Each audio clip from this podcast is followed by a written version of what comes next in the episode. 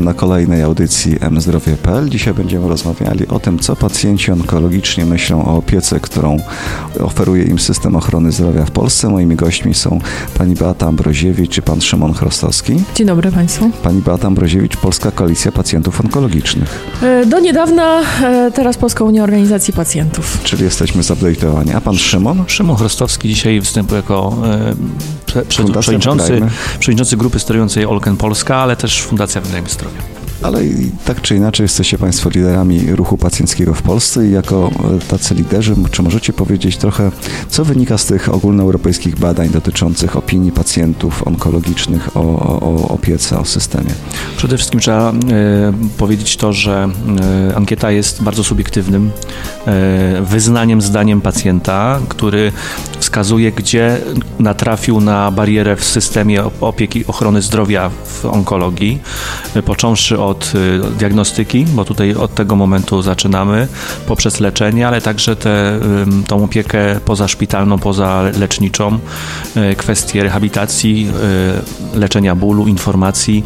Zadaliśmy tam szereg pytań zunifikowanych również w kontekście tych krajów, które dołączyły do ankiety w, w innych krajach. Natomiast nasza ankieta narodowa, nazwijmy Polska, którą rozdzieliliśmy, ponieważ byłaby to wagowo ankieta no, dość przeważająca na część, na, część na część polskich pacjentów z uwagi na to, że na 4000 biorących udział w całej Europie i również w Stanach Zjednoczonych pacjentów, no ponad 1135 to jest, to jest właśnie są ankiety, to są ankiety z Polski.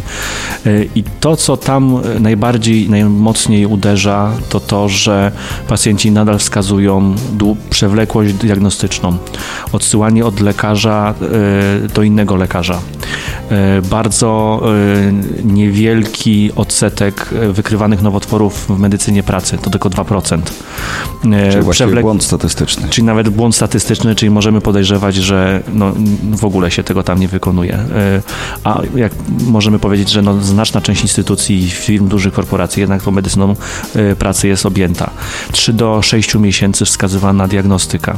Wykrywanie nowotworów przy, oka przy okazji czegoś innego, przypadku, czyli mówimy o tu o przypadku. Po prostu pacjent jest diagnozowany pod kątem czegoś innego, leży w szpitalu i ma przypadkową wizytę, wykrywają nowotwór, czyli znowu e, skierowanie e, całej uwagi na to, że ta czujność onkologiczna jest u nas żadna. Ale rozumiem, że pozostaje tylko mieć nadzieję, że to mówią pacjenci, którzy byli zdiagnozowani jakiś czas temu i że już dzisiaj jest z tą diagnostyką trochę lepiej, z mamy, wykrywaniem lepiej, tak? Mamy rzeczywiście e, takie przeświadczenie, wrażenie, że no tutaj pokazaliśmy trochę ten, ten, trochę ten gorszy obrazek, tak. bo jednak to są pacjenci, ale to też trzeba powiedzieć, że to są pacjenci z różnych obszarów chorobowych. Staraliśmy się tak dopierać te wagi, żeby no nie przeważała jedna e, opcja terapeutyczna, jedna choroba, ale rzeczywiście są to e, pacjenci, którzy mieli swój e, epizod w życiu, chorobę nowotworową w różnym stopniu. Też nie, nie, nie pozycjonowaliśmy czy nie gradyfikowaliśmy tych pacjentów, nie wiem, pod względem ośrodka,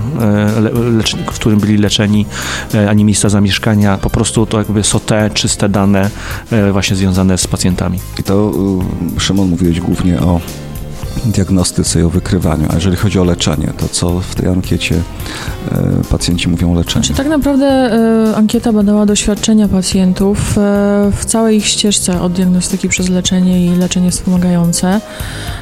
I wiele tych aspektów, na które zwracała sama, samo badanie, ale też odpowiedzi respondentów, to były te aspekty takie około właśnie samego leczenia terapii, czyli całej tak naprawdę całego obszaru komunikacji personelu, kontaktu z personelem, relacji.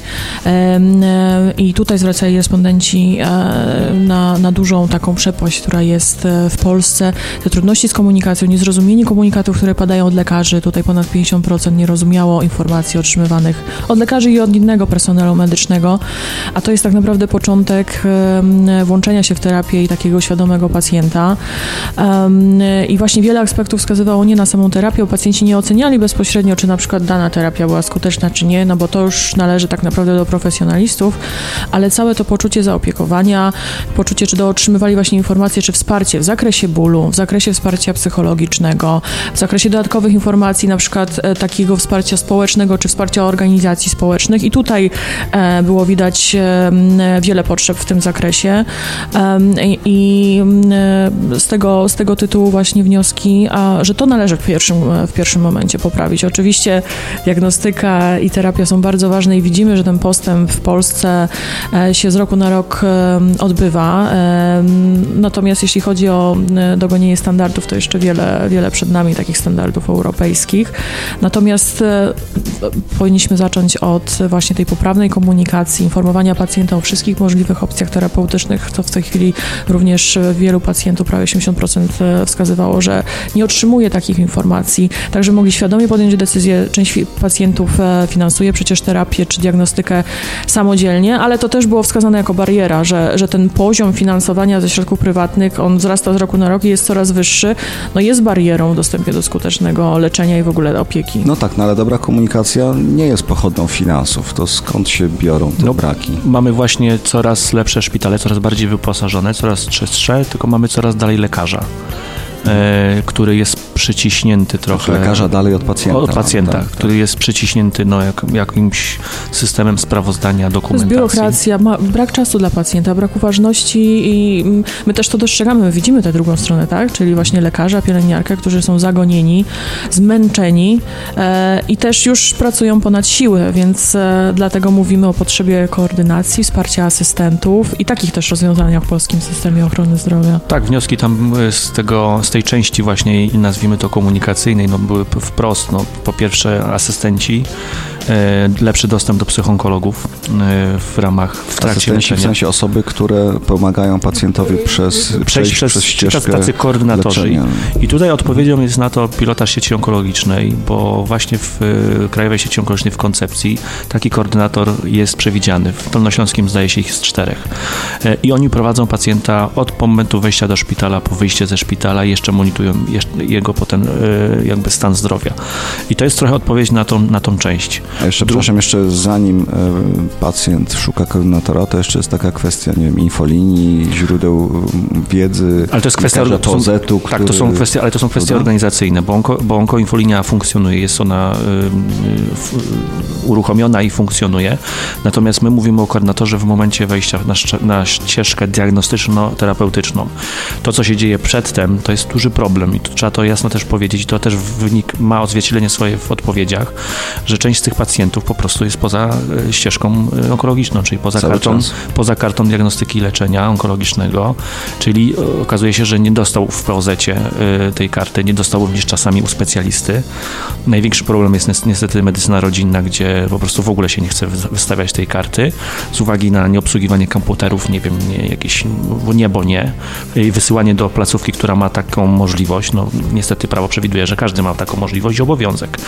I to są pacjenci, którzy chodzą właśnie, czyli te 30%, które liczymy poza kartą DILO i to jest to 3-6 miesięcy wskazywanych, bo w karcie diagnostyki ma się 7 tygodni i czasy, które sprawdzaliśmy w kontekście systemu informatycznego karty DILO pokazuje, że wszyscy się wyrabiają w tych czasach. To jest ponad 98% E, sprawozdań, e, że karta, że ścieżka jakby została zmieszczona w czasie. Czyli ta ankieta pokazała taki margines, tak? E, trochę margines, ale to nie wcale taki mały jest, margines. Znaczy margines ludzi, którzy się nie, mówiąc brzydko, nie, nie zakwalifikowali tak. do systemu i cały czas Który są... jest indedykowany właśnie tak, po to, żeby tak, ta tak. diagnostyka była tak. jak najsprawniejsza. Czyli wprowadzamy Inną... dobre rozwiązania, ale one tak. nie wszystkich są w stanie jeszcze sięgnąć. No więc, no więc właśnie, no, samo, samo zaciekawienie nasze jest takie, jak będzie działać e, P1 i obowiązkowy system informatyczny, po którym muszą być podpięci wszyscy. No to jest właśnie trochę to, tak? Znaczy to, to jest system informatyczny, który wprowadza pacjenta w ścieżkę i on idzie naprawdę bardzo szybko i wyrabia się w czasach. To pokazuje nam e, rejestr e, karty DILO i, i, i takie są raporty Ministerstwa Zdrowia. Natomiast ta, to, ta ankieta i ta, te odpowiedzi no, pokazują, że jest coś w tym dalszym ciągu coś nie tak I pytanie też oczywiście znowu o, o informacje, tak? To, to, co powiedzieliśmy, no, pacjenci nie wiedzą, że są organizacje pacjenckie, co też może być dziwić, bo przecież jesteśmy bardzo mocno aktywni. Nie wiedzą na pewno, że jest onkoinfolinia, bo też umówmy się, Ministerstwo Zdrowia nie zrobiło wiele, żeby tą infolinię rozpro rozpropagować. Tam nie tylko jest infolinia dla onko pacjentów onkologicznych, to jest również e, nocna i świąteczna opieka, to są SORy, to są wskazane adresy, telefony, gdzie można zasięgnąć e, albo też no, umówić się na wizytę, plus te dwie, e, dwa pilotaże, gdzie można wprost się umówić do poradni na konkretną godzinę i tam już, tam już jak pacjent trafi, to jest w pełni zaopiekowany. No na szczęście coraz lepiej działa infolinia, wspólna infolinia NFZ i Rzecznika Praw Pacjenta, bo tam co miesiąc jest około 6 tysięcy zgłoszeń i ona coraz bardziej już jest, coraz większa świadomość, że ta infolinia istnieje i można zadać no, najróżniejsze pytania, od takich, gdzie znaleźć placówkę, czy dany lek jest dostępny, bo ostatnio o tym było dużo, w danej aptece, w danym województwie, w danym mieście, ale też gdzie się udać, nie wiem, po skierowanie, jak powinna wyglądać ta ścieżka, a także jak ktoś chce porozmawiać o chorobie, czy już o takim bardziej e, miękkich aspektach jakościowych życia, to też e, może tam zostać przekierowany albo do rzecznika, albo właśnie do jednej z organizacji, które współpracują, więc to już jest taka jaskółka. Natomiast no, wiele jeszcze przed nami, no bo to jest zatrważające, że mamy około tak 30% tych pacjentów, którzy są jakby poza systemem szybkiej ścieżki. Niestety tutaj legislacyjnie nie da się tego wszystkiego uregulować. Potrzeba tak naprawdę otwartości, zaangażowania i takiej czujności ze strony lekarzy. A jeżeli chodzi o porównanie e, polskich pacjentów z innymi krajami, czy z tego badania można jakieś wnioski wysnuwać? No niestety tu jest e, duży problem, dlatego że rozdzieliliśmy te dwa, e, te dwa badania, znaczy zrobiliśmy dwa badania międzynarodowe ogólne, pokazaliśmy wyniki w raporcie międzynarodowe z Polską i Polską osobno, dlatego że z uwagi na no niestety przeważenie w postaci ilości ankiet i respondentów wo wobec innych krajów, no jest to trochę po prostu nieporównywalne. I natomiast konkluzja z tego, z tego jest taka, jakby już rzeczywiście przy, e, próbując to jakoś próbować przy, przyrównać czy z, konkludować, to no, trochę nie ma o czym mówić. Znaczy jakby trochę wstyd mówić o tym, jak wygląda ta, ta opieka koordynowana, ale raczej jej brak w Polsce na tle innych e, krajów. Poza tym w krajach na przykład zachodnich problemy są zupełnie inne. Znaczy tam wskazane bariery to są zupełnie w innym miejscu niż, niż tutaj. My mówimy cały czas o diagnostyce, o leczeniu, mówimy o jakimś pakiecie onkologicznym, który powinien być normalną ścieżką diagnostyczną, a nie jakimś pakietem onkologicznym nazwanym, jakby to była osobna jakaś historia, osobna ustawa, yy, która reguluje jakiś fragment. Wszyscy mówią o pakiecie onkologicznym, który nie działa, ale dlatego, że nie działa, bo nie ma leków. No to jedno z drugim nie ma nic wspólnego. Jak to tłumaczymy naszym kolegom z, za granicą, to oni tego nie rozumieją, po prostu krótko mówiąc i mam wrażenie, tak z ciekawości, że... to jakie oni mają problemy największe? No na przykład z dostępem właśnie do y, opieki psychologicznej po leczeniu.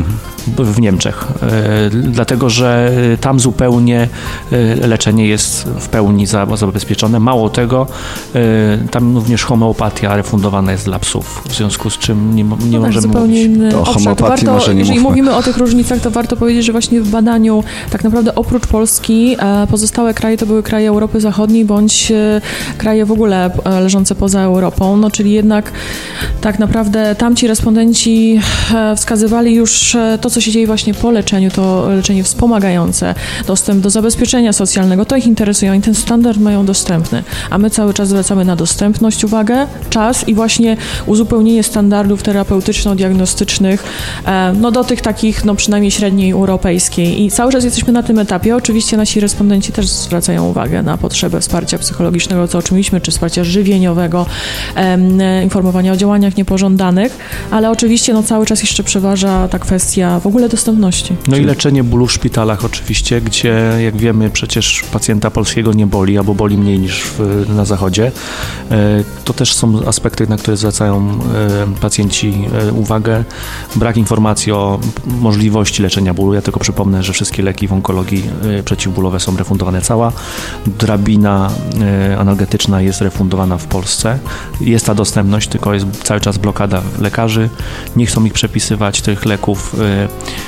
uważają, że, że rak musi boleć w dalszym ciągu i że pacjent tak naprawdę no, nie ma prawa dostępu do czegoś, do czego ma prawo i obowiązek wynikający ze zmiany ustawy o prawach pacjenta i rzeczniku.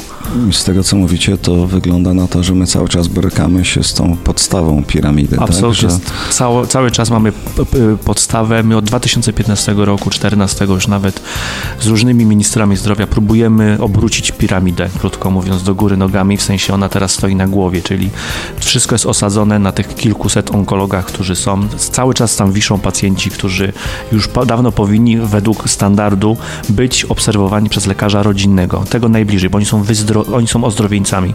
Oni według systemu wyzdrowieli, natomiast y, ten ciężar opieki i takiej, nazwijmy to, obserwacji powinien być przeniesiony na tą podstawę, czyli lekarza rodzinnego, który jest w sumie mimo wszystko najwięcej. Y, próbujemy to obrócić, nie, nie możemy tego zrobić.